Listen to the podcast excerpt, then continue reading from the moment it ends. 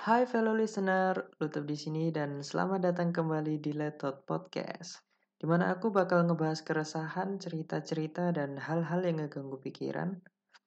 Dan perlu digarisbawahi bahwa semua yang ada di sini adalah cerita dan opini pribadi yang tentunya subjektif.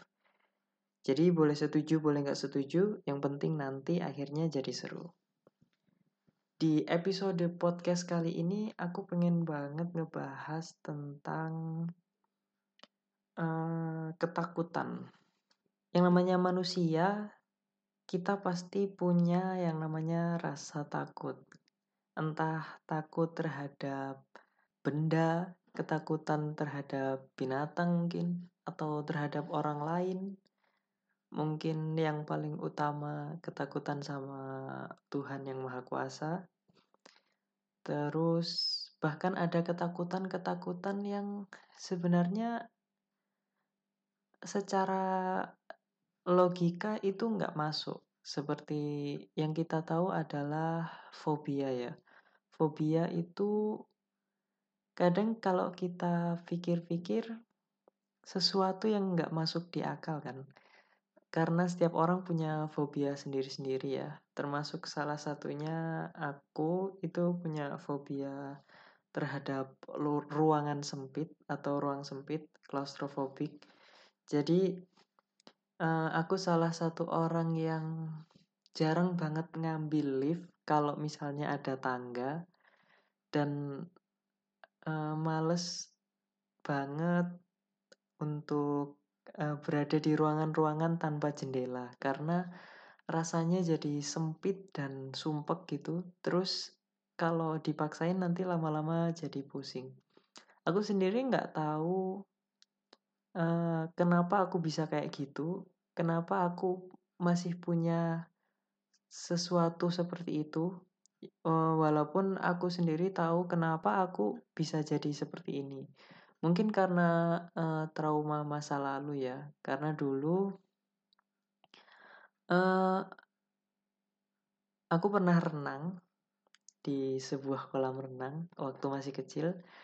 Terus karena kolamnya itu seperti biasa kan ada kolam uh, pendeknya, ada kolam yang dalamnya. Nah, antara kolam yang pendek dan kolam yang dalam itu kan nggak ada batasnya ya, nggak ada batas uh, bordernya gitu. Jadi kalau kita minggir ke ke sampingnya gitu, itu bisa tiba-tiba udah uh, nyemplung ke bagian yang paling dalam. Nah, karena dulu walaupun ya sampai sekarang aku nggak bisa renang karena itu mungkin. Dulu aku nggak tahu waktu lagi seru-serunya main, terus tiba-tiba menuju ke daerah yang bagian dalam. Akhirnya aku nyemplung, tenggelam, dan nggak ada yang tahu untuk beberapa detik kayaknya. Jadi Uh, aku dulu itu tenggelamnya nggak panik. Kalau biasanya orang tenggelam kan panik ya. Jadi dia uh, bergerak-gerak gitu. Jadinya kan ribut ya kalau misalnya orang tenggelam terus panik gitu kan pasti ada orang yang uh, ngeh gitu. Lihat wah ini orang tenggelam gitu. Nah dulu itu waktu kecil aku itu tenggelamnya itu kayak gimana ya kayak pasrah aja gitu tenggelam gitu nggak tahu harus gimana gitu entah aku yang nggak ngerasain atau gimana ya aku dulu itu ngerasanya bahwa waktu tenggelam itu kayak belum ada orang yang sadar. Sampai kemudian aku bangun-bangun itu udah ada di uh, aku udah berada di pinggir kolam udah sadar gitu. Jadi setelah tenggelam itu aku nggak tahu lagi ceritanya kayak gimana. Nah mungkin di setelah saat itu aku mulai punya ketakutan atas ruang sempit karena di dalam air itu kan rasanya kayak kita diselubungi sama air gitu ya. Jadinya eh, rasanya itu kayak disekap gitu.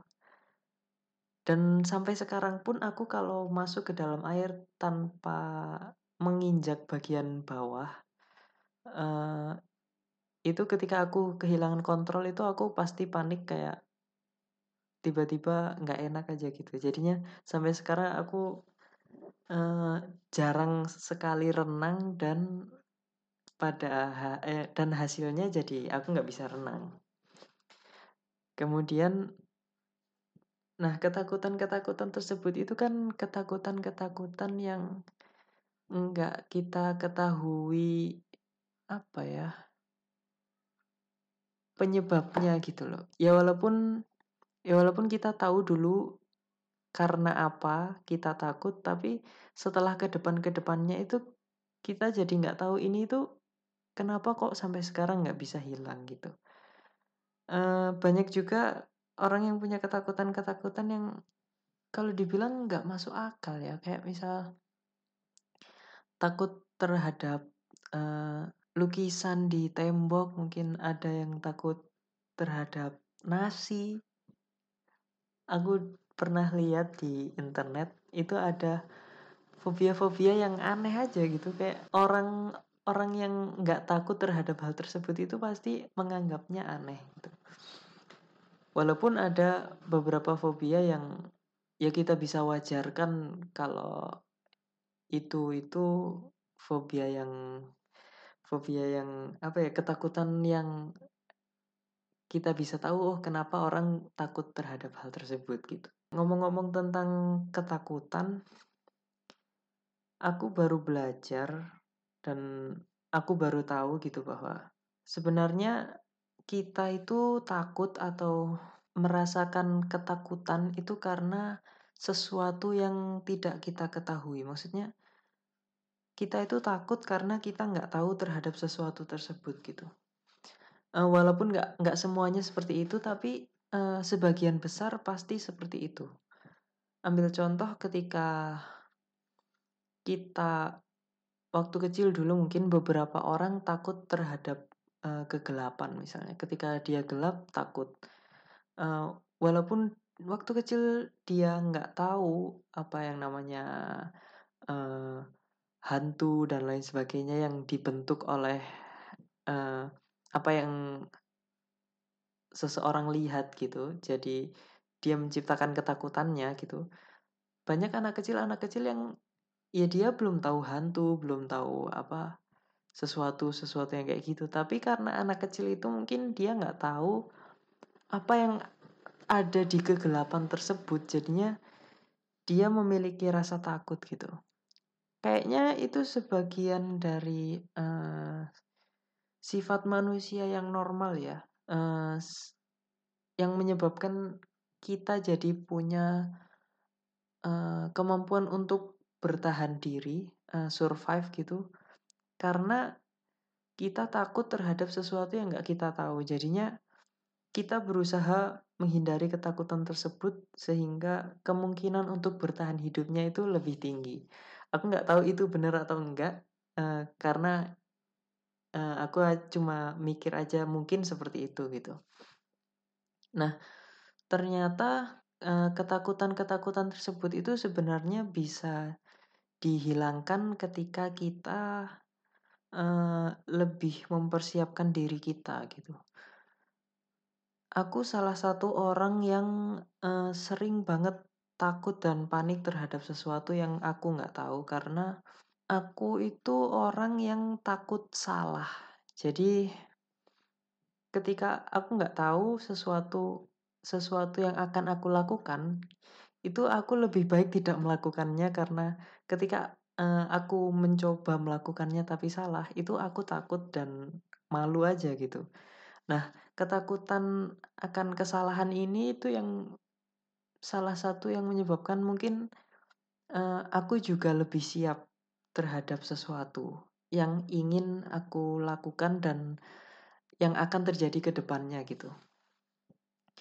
Karena banyak banyak juga orang yang ya pede-pede aja gitu ketika dia melakukan kesalahan uh, terus dilihat sama orang lain gitu terus dia sadar kalau dia salah oh ya udah ternyata aku salah gitu terus kemudian dia uh, melakukan sesuatu yang berbeda terus melihat responnya lagi kalau misalnya ternyata benar oh, berarti ini sesuatu yang benar gitu karena aku salah satu orang yang uh, malu bertanya juga. Jadi udahlah malu bertanya, uh, takut salah juga, jadinya jarang banget aku bisa ngelakukan sesuatu yang harus tanya dulu ke orang gitu yang nggak yang nggak ada teks yang nggak kon yang nggak ada teksnya dan sesuatu-sesuatu yang uh, aku nggak tahu gitu. Walaupun sekarang udah lebih mudah ya ketika kita nggak tahu akan sesuatu gitu, tanpa harus bertanya ke seseorang pun kita bisa bertanya ke internet, kita bisa uh, googling gitu. Misal kayak misalnya contoh deh, aku aku jarang banget ke gerai fast food gitu ya, kayak uh, fast food fast food yang sekarang banyak orang sering ke sana untuk belajar dan ngerjakan tugas gitu aku jarang banget bahkan hampir nggak pernah sampai sekarang uh, untuk ke sana sendiri gitu. Selain karena aku nggak tahu aku harus bagaimana di sana aku sebenarnya juga uh, males untuk berada di sana sih jadi aku mengurangi hal tersebut nah sebenarnya hal-hal tersebut sekarang udah bisa kita cari di internet gitu. Jadi kita bisa nyari apa yang harus kita lakukan ketika berada di gerai fast food gitu. Gimana cara mesannya? Apakah kita pesen dulu langsung bayar atau pesen dulu nanti makan setelah itu baru bayar kayak di warung gitu atau kita duduk langsung terus nanti nunggu orangnya datang atau gimana kan sebenarnya sekarang bisa kita cari di internet. Nah, banyak hal-hal seperti itu yang pada akhirnya aku cari sendiri di internet dan nggak bertanya. Nah, ketika ada sesuatu-sesuatu yang ternyata di internet nggak ada dan aku malu buat bertanya ke orang, aku lebih memutuskan untuk tidak melakukan hal tersebut karena yaitu tadi takut karena tidak tahu. Tapi ketika ada sesuatu-sesuatu yang aku bisa cari infonya di internet dan lain sebagainya gitu, entah kenapa aku jadi lebih uh, pede aja gitu untuk melakukannya dan menghilangkan ketakutan tersebut ketika kita akan melakukan hal atau melakukan sesuatu gitu aku sendiri merasa bahwa hal-hal seperti itu itu bisa mengurangi ketakutan kita uh, ketika melakukan sesuatu atau mengurangi ketakutan kita terhadap apa yang akan terjadi ketika kita melakukan sesuatu. Karena secara nggak langsung ketika kita sudah mencari tahu apa-apa aja yang perlu disiapkan dan apa-apa saja yang harus kita tahu terhadap sesuatu yang akan kita lakukan dan akibatnya apa dan lain sebagainya itu kita jadi lebih lebih siap akan sesuatu yang akan terjadi gitu.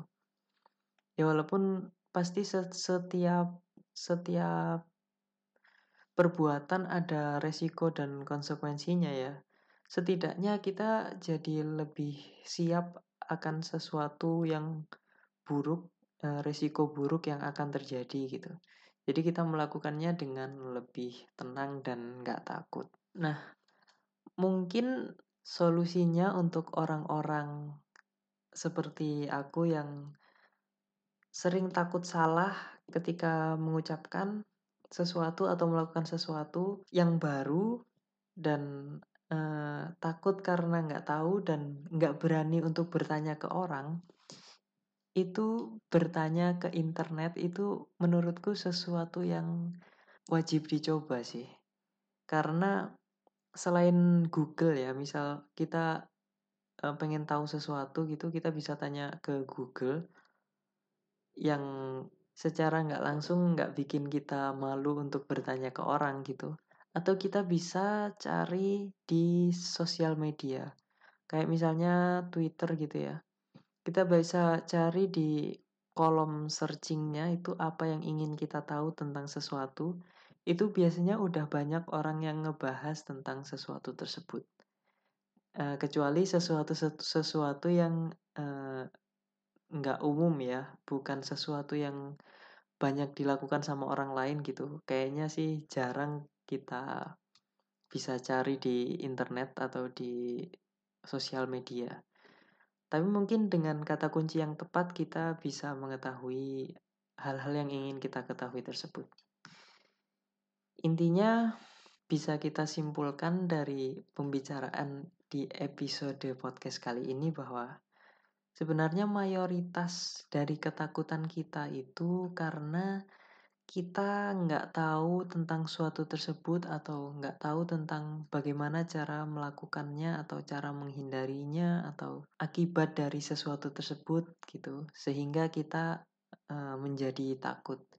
Dan solusinya kalau misalnya orang kita orang yang pede atau orang yang uh, berani tanya gitu kita bisa langsung tanya ke orang gimana caranya atau apa yang harus dilakukan atau ini misalnya akibatnya apa, eh, bagaimana solusinya dan lain sebagainya. Dan kalau kamu orang-orang kayak aku yang takut buat bertanya ke orang, tapi juga takut salah ketika melakukan sesuatu hal, kamu bisa tanya hal tersebut ke internet karena salah satu fungsi teknologi itu untuk membantu memudahkan kita juga. Mungkin cukup sekian buat episode podcast kali ini. Kalau misal Lutop ada salah uh, pengucapan dan terlalu berbelit-belit dalam menjelaskan sesuatu, mohon dimaafkan karena podcast ini uh, sama sekali nggak ada teksnya. Jadi apa yang ada di otakku langsung aku tuangkan melalui percakapan ini, melalui monolog yang aku rekam ini. Jadi mungkin kadang apa yang sudah terpikirkan di otak belum diterjemahkan dengan baik e, lewat mulut. Jadi beberapa kata bisa berbelit-belit gitu. E, mohon dimaafkan kalau misal ada salah-salah kata dan terlalu berbelit-belit sehingga susah untuk dipahami. Uh, mungkin cukup sekian buat episode kali ini. Luto pamit. Ciao.